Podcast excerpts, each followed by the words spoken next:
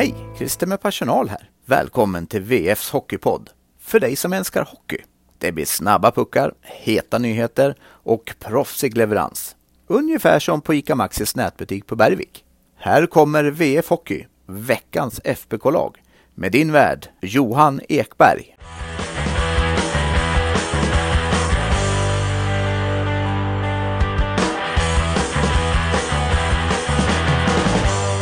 Boka torget och gör det dubbelt. Tre raka segrar, delad serieledning, säkrat avancemang till åttondelen i CHL. Färjestad på väg mot nytt svenskt herravälde mot nytt europeiskt herravälde. Välkomna VF Hockey, veckans FBK-lag. Och välkommen Carl-Oskar Lysander. Stort tack. Vi bokar torget nu igen va? Ja, det är lika bra. Ska vi hålla på med så här kappvändningsjournalistik hela vintern? Jag tycker att jag i alla fall har varit ganska eh, stått stadigt här. Tycker du inte det? Ja, det tycker jag. Eh, vi ska väl säga att det är här, de här små introduktionerna till veckans lagpodden kanske är med aningen glimten i ögat när torget det såväl vara. ska bokas som avbokas. Men vi kan väl konstatera att det är ett annat, eh, ett annat tonläge nu och känsla kring Färjestad än vad det var för en vecka sedan. Absolut. Eh, sen... Även fast de hade vunnit då också mot Timrå i och för sig. Ja. Mm. ja, och med det sagt så har det ju inte varit liksom prickfritt från Färjestad heller. Det finns ju en del, en del eh, frågetecken och sådär som vi, vi ändå kommer komma in på här lite senare i, idag. Ska vi prata boxplay eller? Kanske. förstör du? Du förstör du Spoilar. Ja, spoilar min, eh, mitt stora gräv här som jag gjort på förmiddagen. Vi kanske kan berätta någonting nytt om boxplay snarare än Ja. att det bara är åt helsike för dåligt. För att det Ja, är väl precis. en ganska given analys att göra så Mm. hittills. Ja, men eh, det, veckan som har gått, då började det mot Krakowia och eh, en kompis på plats och skrev att jag har en gång varit på hockey med färre åskådare än det här och det var när vi var åtta pers på matchen när det var restriktioner. För det är klart att Mm. och jag har pratat lite med Thomas Mittell om det i slutet på veckan också att det är klart svårt, svårt att spela när, när det är så lite folk som det var. Ja, det var, det var väl 1600 någonting som var det, det officiella men eh, jag vet inte om, om det satt ett gäng någon annanstans som man inte riktigt såg. nu nu Mm. ser ju inte vi riktigt de som sitter under oss heller ordentligt när man sitter på, på pressläktaren men eh, det var bra tomt, eh, det får man säga. Innan vi hoppar vidare. Tröttaste spaningen jag vet är om att COL är dött och så vidare och att det är tråkigt. Eh, så här.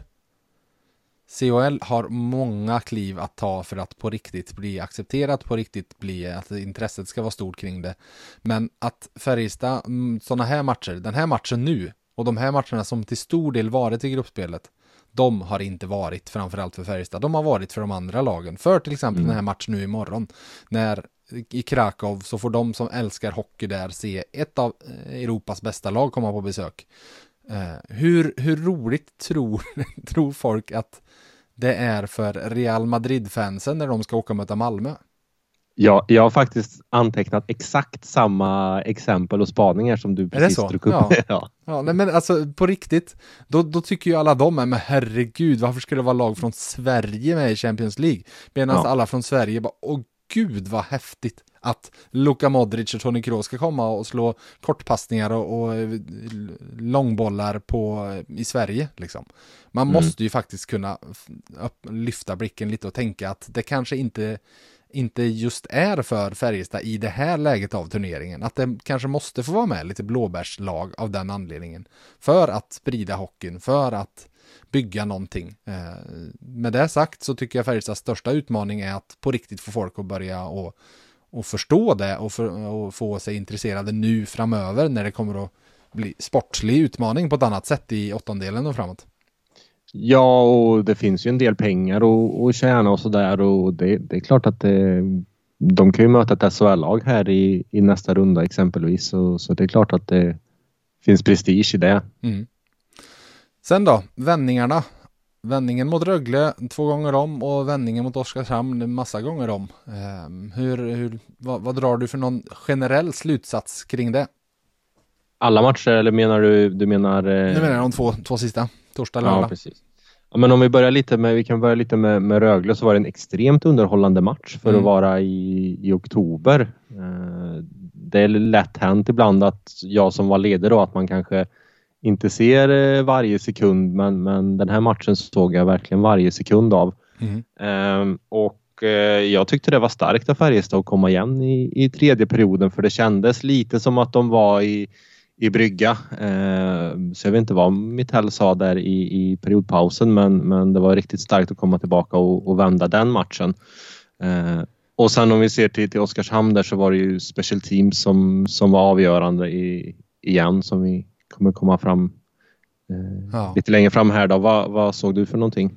Nej, men eh, Mittell var själv inne på det när vi pratade på fredagen om hur han, han tryckte på, alltså, och han är ju inne på det här och det är också en sak som många bara, men varför är de inte alltid bra från start och så vidare. Nej, men det är ganska jobbigt att vara precis påkopplad hela tiden och han, han är ju mm. liksom inne på att ja, men man kommer ha toppar och dalar, men att då när man har en dal, för det hade ju Färjestad i andra period mot Rögle, då hade de det ju jättejobbigt. Alltså hade det inte varit för det fem minuters powerplayet de hade i den matchen så hade det ju, det var ju det enda de skapade i den andra perioden. Mm. Det kändes mm. nästan som att Rögle var starkare även när Färjestad var en man mer. Eh, men hur de sen faktiskt kunde även och gjorde en jättefin sista period. Och även den här, som du säger, alltså att resa sig när man får ett slag till. Alltså, har fått 2-2 målet, ja, nu kommer vi och så kommer det 3-2 tio sekunder senare typ. Uh, och sen då kunna resa sig därefter igen måste jag säga att det är jättestarkt. Uh, jag... Kanske lite tändvätska det som hände med, med Linkvist också även om, mm. om han förmodligen då av det man har förstått ändå efter omständigheterna verkar mått helt okej okay i omklädningsrummet där och lagkamraterna fick säkert se att, att det var ändå rätt så okej okay, så är ändå en sån grej kan ändå vara en del tändvätska tror jag. Mm, absolut, absolut. Oskarshamn, alltså, ja, det, det, var sko- det bara small åt alla håll och kanter mm. hela tiden. Så samma sak där. Alltså, Oskarshamn, nog att de, de ligger i botten i tabellen sett till vad de har spelat in i antal poäng.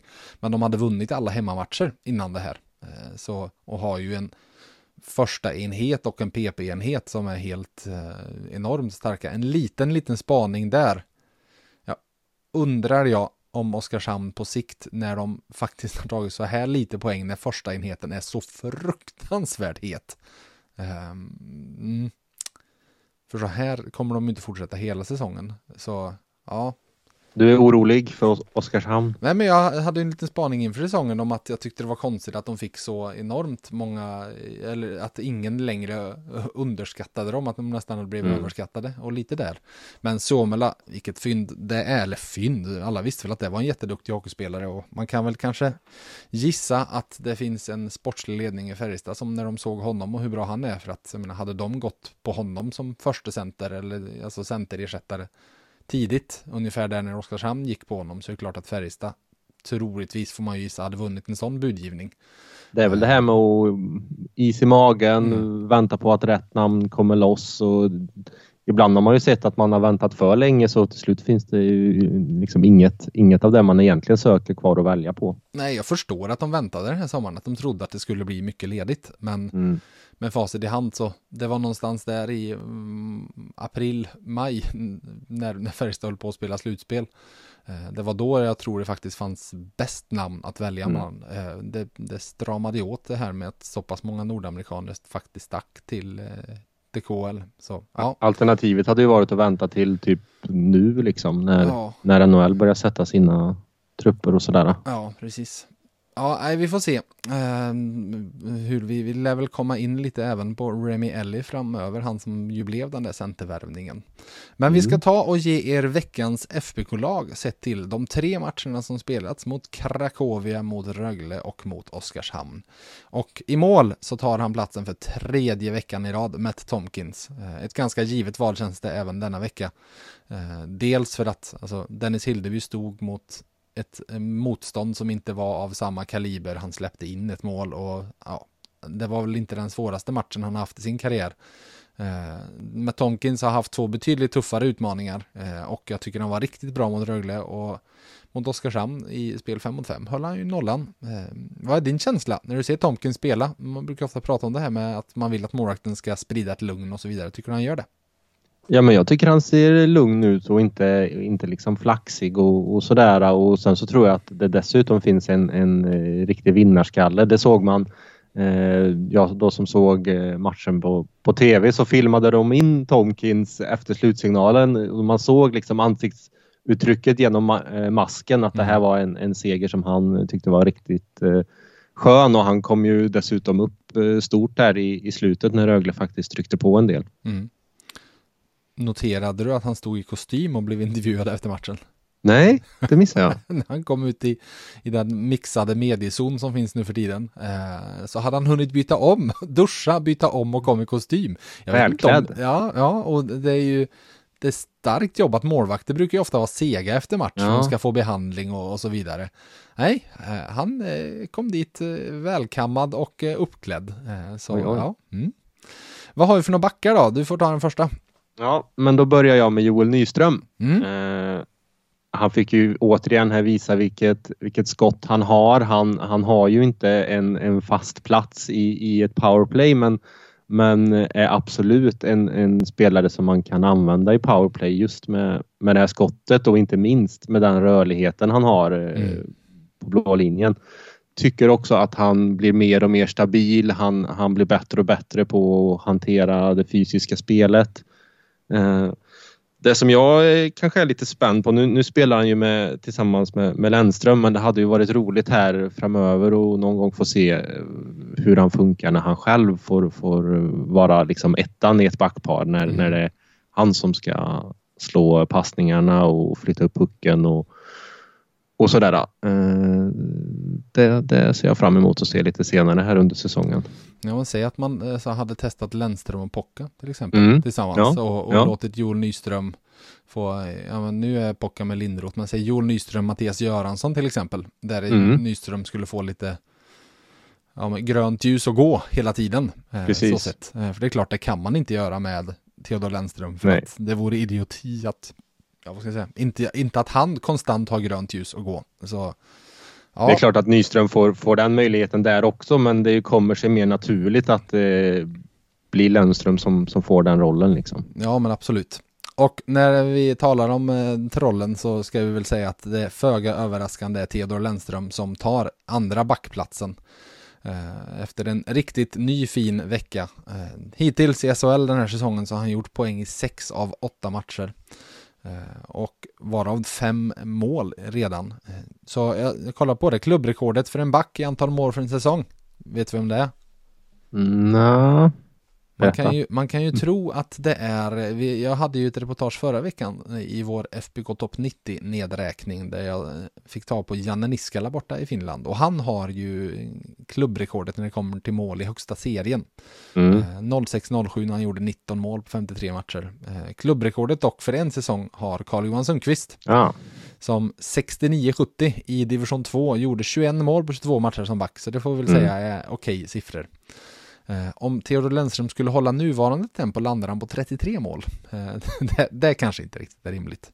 Men mm. jag säger alltså 20, jag tycker inte det känns orimligt att han ska nå upp dit sett till alltså hur, hur no, visst att puckarna har gått in nu och så vidare, men med den där skridskoåkningen, han skapar ju så fruktansvärt mycket lägen åt sig själv.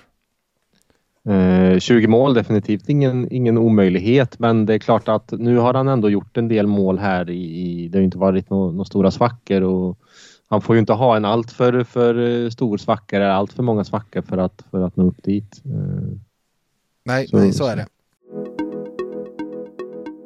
Hallå där! Det väntas ett händelserikt år. Om oss på VF håller du dig uppdaterad. Läs de senaste nyheterna med VFs pluspaket i åtta veckor för endast 8 kronor. Med Plus får du tillgång till allt innehåll på sajten och i nyhetsappen. Läs mer på vf.se erbjudande. Ska vi hoppa framåt och lyssna på vem vi har som första forward i veckans FBK-lag denna vecka? Henrik Björklund. Mm. Varför? Eh, Ja, men jag, jag kommer lite det här, men, men han, han har ju kommit till otroligt mycket lägen. Han, det är både styrningar, skott. Eh, alla skott har väl kanske inte varit eh, allra, allra högsta kvalitet, men, men mot Oskars, Oskarshamn så kommer han upp i precis, precis det läget som jag tror att han vill komma i. Lite, mm. lite det höga slottet. Dessutom så, så finns det så pass utrymme att, att en skymmare kan, i det här fallet var det väl Åslund va, som, som mm. skymde målvakten.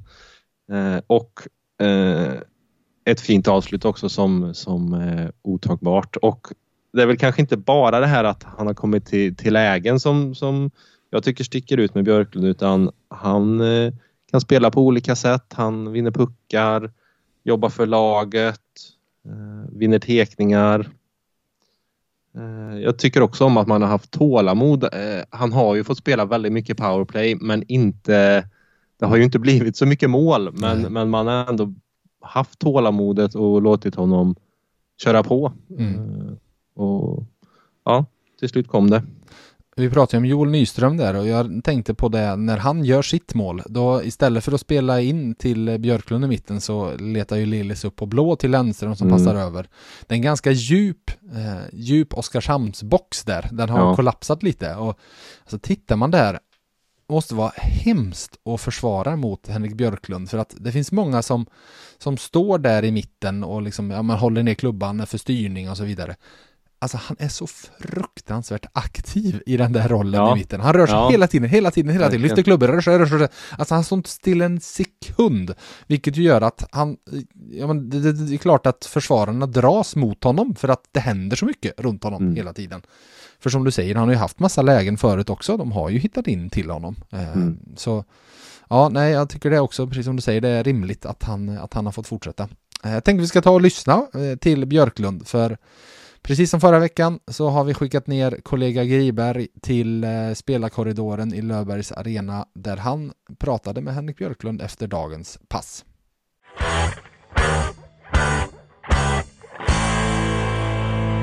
En eh, Henrik Björklund som eh, äntligen har fått göra sitt första SHL-mål här. Hur, eh, hur var det att sätta dit den? Ja, men det var skönt. Det var lite förlösande. Jag tycker ändå att jag har haft tillräckligt med lägen för att göra mål. Skönt att det kom nu. Om vi bara stannar där vid Oskarshamnsmatchen. En, en märklig inledning där, eh, där utvisningarna och eh, powerplaymålen powerplay-målen haglade till, till höger och vänster. Hur, eh, hur upplevde du ja, första perioden inte minst? Eh, nej men som sagt, det, det var mycket utvisningar. Eh, flest, flest tog väl vi kanske men eh, vi justerade lite på powerplayet innan, eh, innan matchen, lite små detaljer bara. Eh, det gav bra utfall. De har ett bra PP, vi behöver jobba bättre i boxen liksom. Men eh, skönt, skönt eh, att vi fick in så pass mycket PP som vi fick. Apropå powerplay då, i, i Bickaskoga har du haft en roll till, till vänster eh, i, i, i, i höjd med teckningscirkeln där du har kunnat eh, bomba in. Här i Färjestad har du fått en roll mellan teckningscirklarna. Vad blir, vad blir skillnaden för dig där? Eh, nej men det är två ganska olika roller. Eh, har ju spelat båda genom åren. Eh, eh, Eh, man blir ju man blir som en liten bumper där, får vara med och, och, och hjälpa till i alla, eh, i alla håll och kanter och kanske Eh, stänga lite ytor eh, till, för boxen och, och sen eh, vara redo när väl pucken kommer. En snackis då när du kom till Färjestad, det var ju lite huruvida du skulle klara av spelet i SHL. Men, men känslan är när du har fått byta, byta kedjor så har du fått ett litet lyft. Är det, är det så du känner också? Är det, att, eh, är det en slump eller är det att eh, pressen har, har släppt lite? Eller vad är anledningen till att du har en formkurva som, eh, som i nuläget pekar uppåt? Eh, nej, men jag tycker att jag, jag har gjort eh, egentligen kanske blandat lite för mycket eh, från, från första, första matchen i SHL. Det varit några bra, någon dålig, någon bra. Eh, det är en liten, eh, alltså det är första matcherna och det, det är en skillnad i spelet. Försöker att eh, anpassa mig och kunna släppa lös i, utan att tänka så mycket. Eh, jag tycker att det kommer mer och mer. nu blir det ju lite i en line också där vi, vi ska tuta och köra och, och gasa lite. Det blir lite lättare då att släppa lös, spela enkelt och börja i den änden. Så försöker ha, ha bra energi och sen så och mana på helt enkelt. Den viktigaste frågan kanske, fick du behålla pucken från Oskarshamnsmatchen? Eh, nej, jag fick faktiskt inte det. Jag, den, den, kom bort längs vägen. Men jag har ju, någon, eh, jag har ju något mål i elitserien för massa, massa år sedan. Den tror jag ligger kvar i någon, i någon kartong hemma.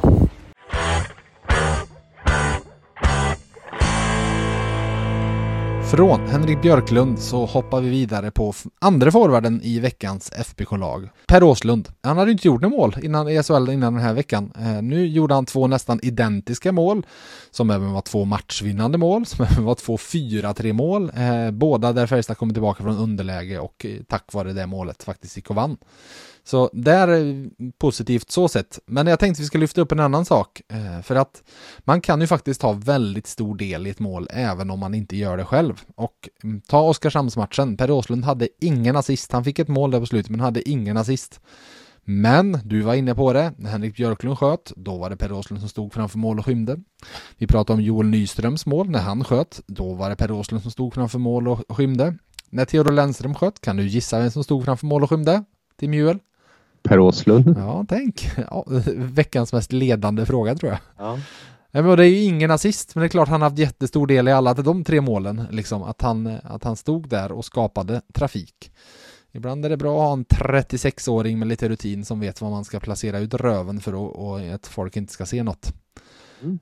Vad har vi för någon forward sen på tredje forwardsplatsen och sista platsen i veckans FBK-lag?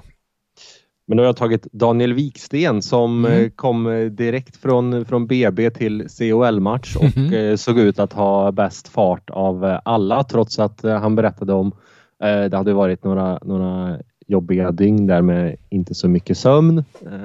Men ändå så kom han in och tyckte jag var den som, som hade bäst, bäst fart och fick göra ett snyggt mål. Jag tyckte också att han gjorde ett snyggt mål mot Rögle. Återigen mm. bra fart. Sen vet jag inte, jag, han har ju gjort väldigt mycket poäng. Jag vet inte om man kan ha samma poängkrav i, i Mittells lag. Det ska bli lite, lite spännande att se vart, vart spelarna hamnar poängmässigt med eh, Mittell som tränare. För jag upplever kanske att det är lite mer ett, ett kollektiv och eh, om man generellt kommer se att det är liksom lite jämnare. Eh, inte sådana höga, höga toppar eh, bland spelarna när, mm. när han får liksom ha en, en hel säsong. Eh, men, men 30 poäng definitivt, det ska Daniel Wiksten kunna komma upp i. Jag tycker du nämnde ordet som är viktigast för Daniel Wiksten och det är fart. Eh, för mm. när han spelar med den farten som han framförallt gjorde på tisdag och torsdag då blir han ju en faktor på så, sånt sätt. För att ja. jag menar, det, det, jag vet inte liksom nästan någon back i serien som hänger med honom. Eh, utan de vågar, de vågar nästan inte fortsätta åka baklängesåkningen mm. utan behöver vända om och följa med honom. Eh, så sett eh, i, när han I Rögle-målet där så, så slog han ju sin eh, ja. motståndare och han, han före liksom. Ja men exakt. Eh, med det sagt så har vi de sex spelarna Tomkins, Nyström, Lennström, Björklund, Åslund och Viksten. Eh, innan vi hoppar på utropstecknet så ska jag slå ett slag för den läsningen ni just nu får i VF med FBK Topp 90. Vilket har varit ditt favoritreportage hittills, eh, Lysander? Jag gillar det med Bosse Berglund som ja. Eh, kom i, i veckan här. Ja, exakt. Eh, där Per Mårtensson hade träffat en mm. 60-talshjälte. För vi gjorde en liten avstickare där. Vi, rankingen som sagt är ju från 1970 och framåt för att det går inte riktigt att på ett vettigt sätt bedöma det som har hänt eh, helt och hållet innan. Kanske liksom 60-talet finns det helt okej uppgifter på, 50-talet finns det ingenting alls.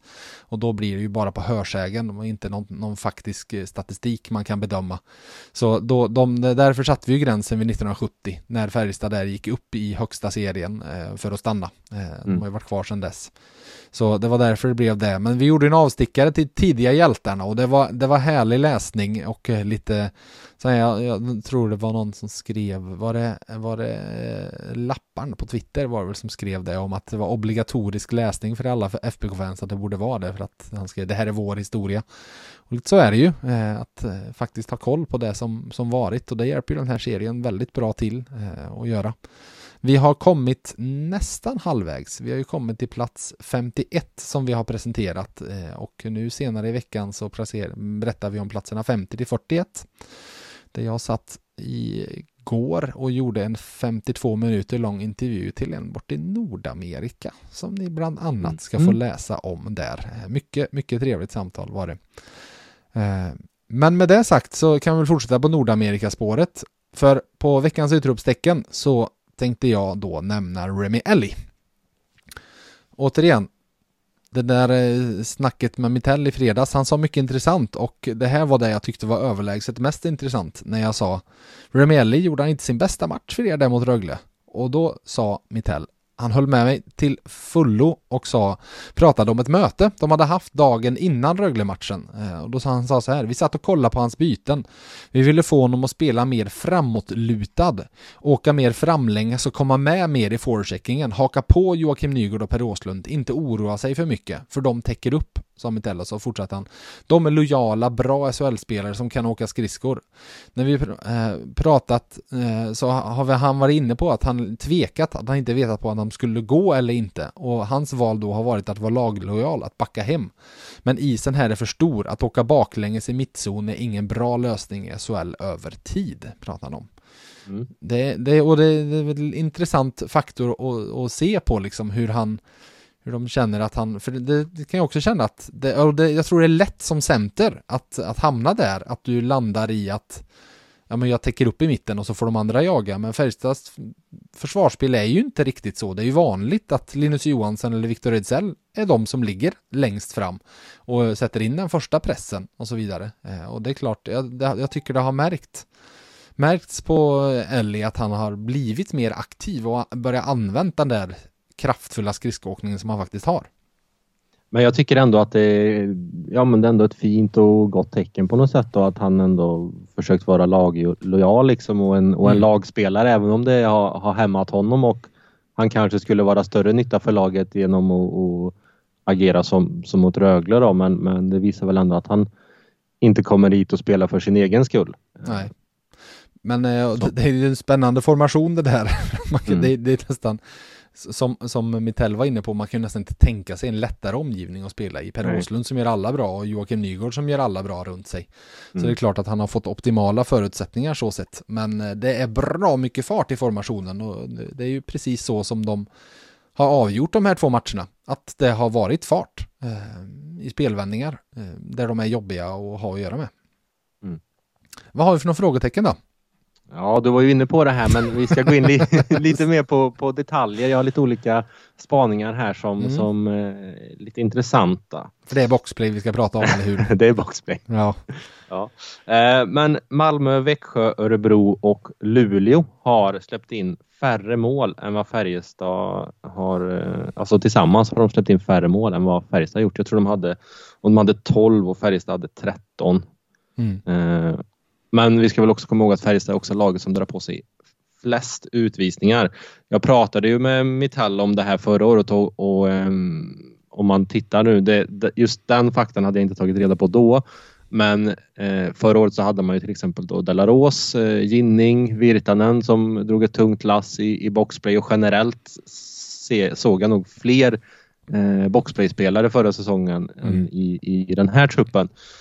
Men eh, av, de som hade, av de sju som hade mest istid i boxplay förra säsongen så är det bara Nygård och Göransson kvar. Mm. Eh, Wikstrand är ju då på, på skadelistan och Westin gjorde ju bara åtta matcher. Eh, mm. Och den som är etta i år är Linus Johansson och eh, ah, han, han var ju då spelare nummer åtta i, i mm. boxplay mm. istid förra säsongen.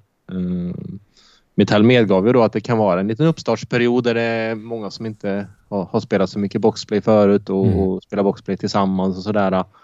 Men då kanske man inte ska dra på sig så många utvisningar heller om man är uppenbart eh, inte, inte på topp i, mm. i spelformen för tillfället.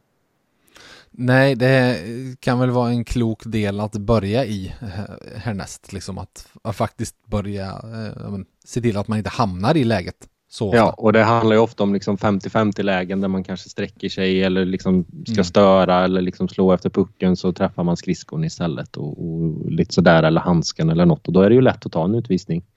Ja, ta Joakim Nygårds när de landade i tre mot fem läge där. Eh, mm. Först, han har ju otur att klubban fastnar i skridskon.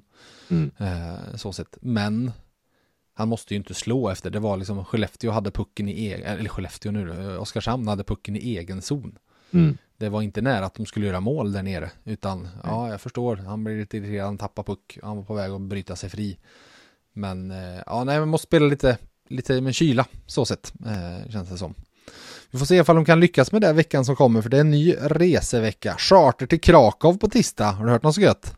Ja, men jag satt precis och funderade här förut när jag förberedde lite här inför podden hur man har tänkt att resa. Men det är Karlstad, Krakow, Krakow, Luleå, Luleå, Karlstad eller? Nej, det är det faktiskt inte. Det är charter fram och tillbaka, tur och retur. Krakow och charter Luleå, tur Oj. och retur också. Oj. Eh, De flyger Okej. fram och tillbaka på båda.